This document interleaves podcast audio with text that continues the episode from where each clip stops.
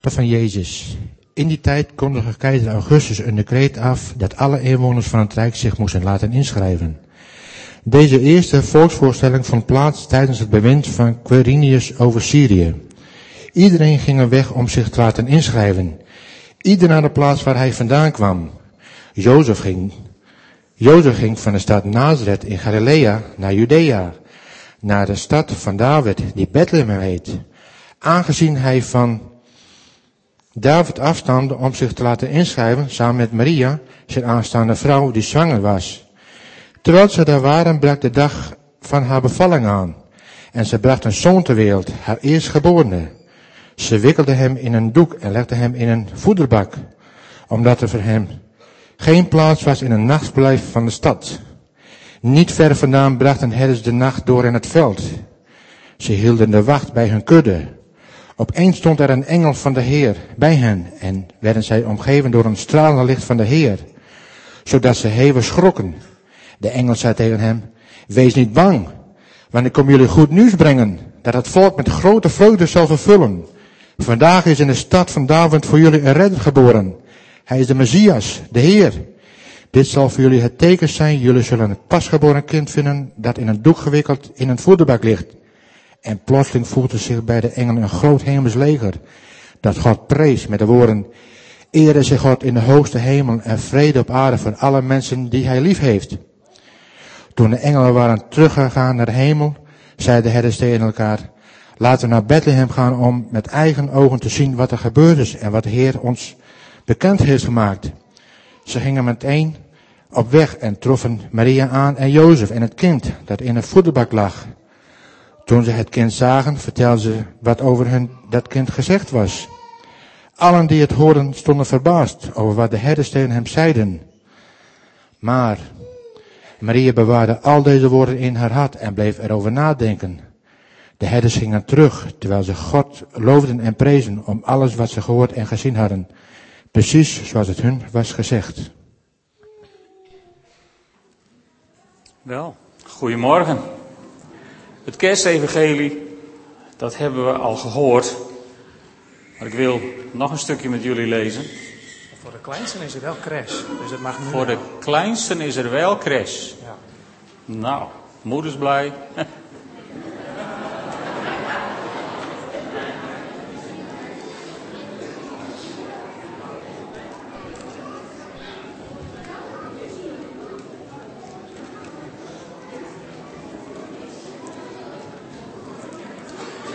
Wil ik ondertussen een stukje met jullie lezen uit Matthäus, hoofdstuk 2.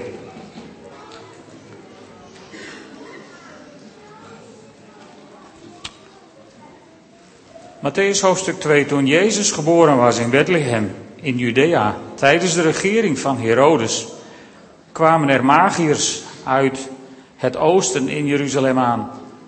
Ze vroegen, waar is de pasgeboren koning van de Joden? Wij hebben namelijk zijn ster zien opgaan en zijn gekomen om hem eer te bewijzen. Koning Herodes schrok hevig toen hij dit hoorde en heel Jeruzalem met hem. Hij riep alle hoge priesters en schriftgeleerden van het volk samen om aan hen te vragen waar de Messias geboren zou worden. In Bethlehem, in Judea, zeiden ze tegen hem, want zo staat het geschreven bij de profeet. En jij, Bethlehem, in het land van Juda, bent zeker niet de minste onder de leiders van Juda, want uit jou komt een leider voort die mijn volk zal hoeden. Een wonderlijk verhaal. Eigenlijk, dat verhaal uit Matthäus. Want er kwamen mensen om Jezus te bezoeken. Waarvan, denk ik, verschillende van ons bij de deur zouden denken van, die lui die moet je niet binnenlaten. Uri Geller en Hans Kassan en de babyfluisteraar en Tjaar heet ze geloof ik. En nog wat van dat soort mensen van de televisie die spreken met geesten van je overleden voorouders. En, en, en, en die kwamen met z'n allen Jezus bezoeken. Te gek voor woorden. Wij zouden zeggen eruit met die lui. Maar bij Jezus was alle ruimte. En dan mochten ze zomaar komen. Heel wonderlijk. Jezus keek niet op status. Niet voor anderen en niet voor zichzelf. En dat is eigenlijk de tekst die ik vandaag, met jullie wil lezen. Die staat in Filippenzen 2, vers 5 tot 8. Want daar gaat het over dat Jezus niet op status keek. Zeker niet op status voor zichzelf. In Filippenzen 2, vers 5 tot 8. En dan lezen we dit. Laat daarom die gezindheid in u zijn, die ook in Christus Jezus was. Die, hoewel hij de gestalte van God was, niet als roof beschouwd heeft God gelijk te zijn, maar zichzelf ontledigd heeft door de gestalte van een slaaf aan te nemen en de mensen gelijk te worden. En in gedaante als een mens bevonden, heeft hij zichzelf vernederd en is gehoorzaam geworden tot de dood, ja, tot de kruisdood. Misschien denk je, wat heeft dit nou met kerst te maken? Dit stukje nou, laten we eens kijken. Als ik u zou vragen, waar was Jezus voordat hij geboren werd? Ja, in de buik van zijn moeder. Oké, maar waar was hij nou voordat hij in de buik van zijn moeder terecht kwam? Waar was Jezus voordat hij naar deze wereld kwam? Waar was hij? Ik zie alle andere mensen fluisteren, doodsbenauwd dat ze gehoord worden, maar het mag vandaag hoor. In de hemel. Goed zo. En hoe weten we dat? Dat staat in de Bijbel. In het evangelie van Johannes, daar begint het verhaal weer heel anders. In Johannes 1, vers 1 staat: In het begin was het woord, het woord was bij God en het woord was God. Dat is voor de kinderen misschien wat ingewikkeld, maar als de Bijbel het zo heeft over het woord, dan gaat het over de Heer Jezus. De Heer Jezus was God. Dat weten we. Dat hebben we vastgesteld en daar is geen twijfel over. De Heer Jezus is God. Dat is fundamenteel. Dat hebben we vrijdagavond volgens mij heb ik dat ook genoemd. Het feit dat Jezus uit een maagd geboren werd, is de erkentenis dat hij door God verwekt was. Want als hij gewoon uit een huwelijk geboren zou zijn, ja, ja, dan was het de zoon van Jozef en Maria geweest. Was het een goed mens geweest, zoals Gandhi en, en, en, en nog een paar mensen uit de historie. Maar dan was hij geen God geweest. En dan was het hele kerstfeest dat we nu vieren, dat was allemaal voor niks geweest, want dan, een mens kan ons niet redden. Dus de Heer Jezus was, is God. En hij was bij God. Vanaf het begin van de wereld, vanaf het moment dat God sprak, er zij licht, gebruikte God het woord, de Heer Jezus. En zo, en zo kwam hij tot leven. De Heer Jezus was bij God. Ik stel het me altijd zo voor, de Heer Jezus was God en hij zit bij zijn Vader op de troon, naast God, waar hij naar de hemelvaart ook weer heen ging. En daar samen op de troon, daar hadden ze afgesproken dat de Heer Jezus naar deze wereld zou gaan om het tussen God en ons in orde te maken. Wonderlijk. Dat hadden ze afgesproken samen. De kroonprins, zou je kunnen zeggen, zelf zou het regelen.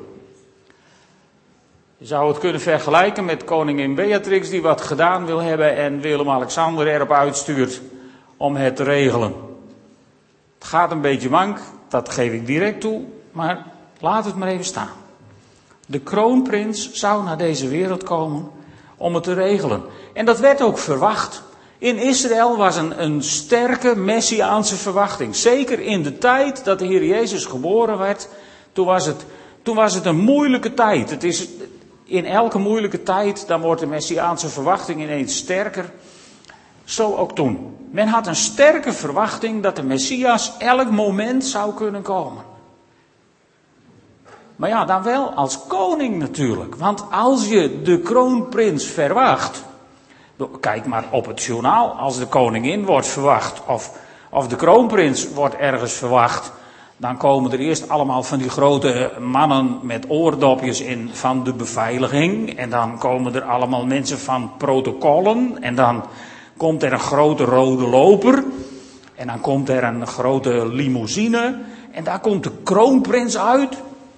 En als ze op staatsbezoek zijn, heb je misschien ook wel eens gezien in het buitenland. Dan is het nog luxer, want dan komt er een speciaal koninklijk vliegtuig. En, en, en als dan de bobo bovenaan de trap staat, dan staat daar een erewacht van soldaten die doen iets onbegrijpelijks met een geweer. En, en, en zo wordt er een eerhaag gevormd. En dan komt de bobo de trap af. En komt hij op staatsbezoek. En dan wordt het volkslied gespeeld, een hele ceremonie. Er was een sterke messiaanse verwachting. En ze verwachten allemaal een hele ceremonie. En, en de hoge priester die verkneuterde zich er ongetwijfeld al op van dan zou hij de belangrijkste zijn om de Messias te ontvangen. Daarom reisden de wijzen uit het oosten, al hoe occult belast ze dan misschien ook waren en al hoe afgewezen ze bij ons waarschijnlijk zouden zijn in de kerk, daarom reisden deze mannen naar Jeruzalem. En niet naar Bethlehem. Natuurlijk, want Jeruzalem was de hoofdstad. Daar stond het paleis van koning Herodes. En ja, als er een koning geboren was, waar zoek je de koning? In het paleis. Nou, mooi niet. Ze vonden hem niet. Ze vonden wel een woord van God wat zei dat de koning in Bethlehem geboren zou worden. Ja, in Bethlehem, dat hebben we ook gelezen uit Lucas 2. Terwijl ze daar waren, Jozef en Maria, brak de dag van haar bevalling aan en ze bracht een zoon ter wereld, haar eerstgeborene. Ze wikkelde hem in een doek en legde hem in een voederbak, omdat er voor hen geen plaats was in het nachtverblijf van de stad. En zo werd Jezus geboren, net als ieder mens geboren werd. Eigenlijk nog minder dan dat. Want als er tegenwoordig een mens geboren wordt, dan staat er een schare deskundigen klaar om dat te begeleiden en om dat mensje te ontvangen. En er ligt een voorgeschreven pakket met middelen klaar om het kindje te vertroetelen en in te pakken en te doen. En er staat, als je het een beetje treft, een designwiegje klaar met alle bekleding erop en eraan en erin, want daar moet hij dan in. Ja, het kost een vermogen. En het is vreselijk leuk. Maar zo gaat het. Behalve bij Jezus. Hij werd geboren als ieder mens. Maar toen hij geboren werd, had hij één pech. Zijn moeder was niet thuis. Dat was heel vervelend. Zijn moeder was niet thuis. Nee, die was in Bethlehem. Om een of andere reden. Door God georganiseerd. Want ja, de profeet had gezegd dat het daar moest gebeuren. Dus ze waren in Bethlehem. In een stal. En dan lag hij in een in een voerbak. Nou, het staat hier ook, alleen deze is luxe en geschuurd en hier ligt allemaal bekleding in. Maar er staat, er staat in de Bijbel dat Maria wikkelde hem in een doek en legde hem in een kribbe, in het stro. Ik weet niet of u wel eens in het stro geslapen hebt, maar dat is een avontuur op zich. Het kriebelt en het prikt aan alle kanten. Tenzij je dat stro heel goed inpakt in een strozak, zoals ze vroeger deden. Maar bij mijn oom op de kampeerboerderij, daar sliepen wij vroeger, als, we daar, als ik daar logeerde, dan sliepen wij in het stro. Nou, dat was een hele belevenis. Dat zat in je hemd en in je onderbroek en het zat overal waar je het niet wilde hebben, zat stro. En zo werd Jezus in een kribbetje gelegd, in een bakje met stro. Zo kwam hij op deze wereld. En, en, en de grootste vergelijking vind ik eigenlijk, als je er zo over nadenkt en je denkt aan het stukje uit Filippenzen, dan staat er die, hoewel hij in de gestalte van God was, het niet als roof beschouwd heeft God gelijk te zijn, maar zichzelf ontledigd heeft door de gestalte van een slaaf aan te nemen en de mensen gelijk te worden. En zo heeft hij zich vernederd. Hij had kunnen komen als Bobo, maar hij kwam als baby. Dat schrijf je in het Hebreeuws weliswaar hetzelfde, stel ik me zo voor. Als je de klinkers eruit laat. Maar het was een wereld van verschil. Hij kwam als baby, hulpeloos, in een doek gewikkeld. Hij moest verschoond worden, net zoals baby's tegenwoordig verschoond moeten worden. En hij moest die hele moeilijke fases door, die een mens door moet als je moet leren lopen, als je moet leren praten, als je moet leren lezen en schrijven. Al die moeilijke dingen die wij hebben door moeten maken om groot te worden en in deze maatschappij te kunnen functioneren, die heeft hij allemaal doorgemaakt. Dus ook voor de kinderen, als je denkt van, hé, bah, ik moet alweer naar school. Jezus moest vroeger ook naar school. Ook dat heeft hij beleefd. En, en, en als je dacht van, nou, ja, als je strafwerk hebt, weet ik niet of hij dat ook heeft gehad. Dat zal haast wel niet. Maar, laat het maar. In ieder geval, alles wat je hebt meegemaakt als kind om groot te worden, heeft hij ook meegemaakt. Hij koos de moeilijke weg om naar deze aarde te komen voor jou en voor mij. Hij kwam niet als Bobo over de uitgerolde loper het paleis binnen, door een erehaag. Hij kwam als baby op een plek waar hij niet thuis was, in een bakje met stro. En de enige erehaag die hij gezien heeft, dat waren herders die stonken naar schapen. Geen bobo, maar een baby. En waarom? Dat deed hij voor jou en voor mij. Hij kwam niet als bobo, hij stond niet op zijn strepen, maar hij droeg zijn striemen. Voor jou en voor mij. En zoals hij als baby verschoond moest worden door zijn moeder, zo is hij gekomen om jou en mij geestelijk te verschonen. Zodat we fris en fruitig voor de Vader kunnen verschijnen, in Zijn aanwezigheid kunnen zijn en gemeenschap met God kunnen hebben. Vind je dat niet bijzonder? Daarvoor kwam Hij naar deze wereld.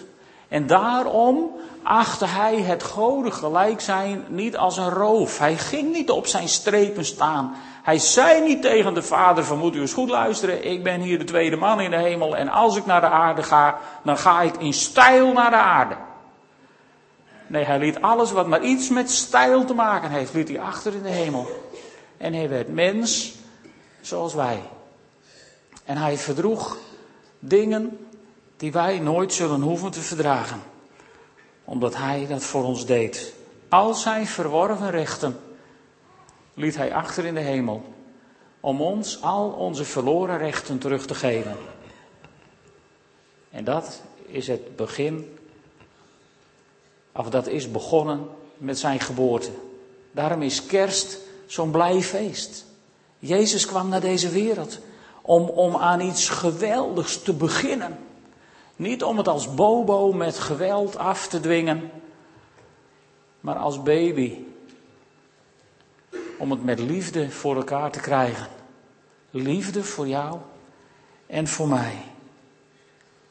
En daarom, omdat hij de baby werd, bent u de bobo geworden. Het geliefde kind van God, in wie God een welbehagen heeft. Want zo staat het in het Evangelie. In Lucas 2, vers 14. Eer zij aan God in de hoogste hemelen en vrede op aarde in mensen een welbehagen.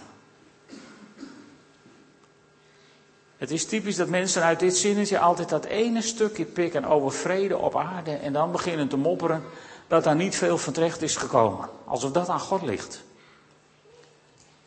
Als het mensdom, als u en ik ons leven zouden inrichten op dat eerste stukje van die mooie zin. Eer aan God in de hoogste hemelen brengen.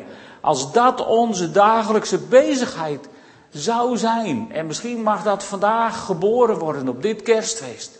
Als het eren van God in de hoogste hemelen onze prioriteit gaat worden. Dan komt er iets meer vrede op aarde.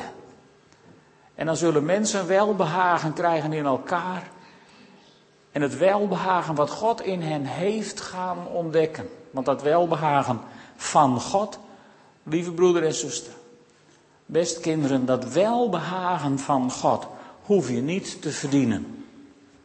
Dat welbehagen van God, dat heb je gekregen. Gratis. Voor ons tenminste, want dat heeft Jezus betaald. Het welbehagen van God is je geschonken.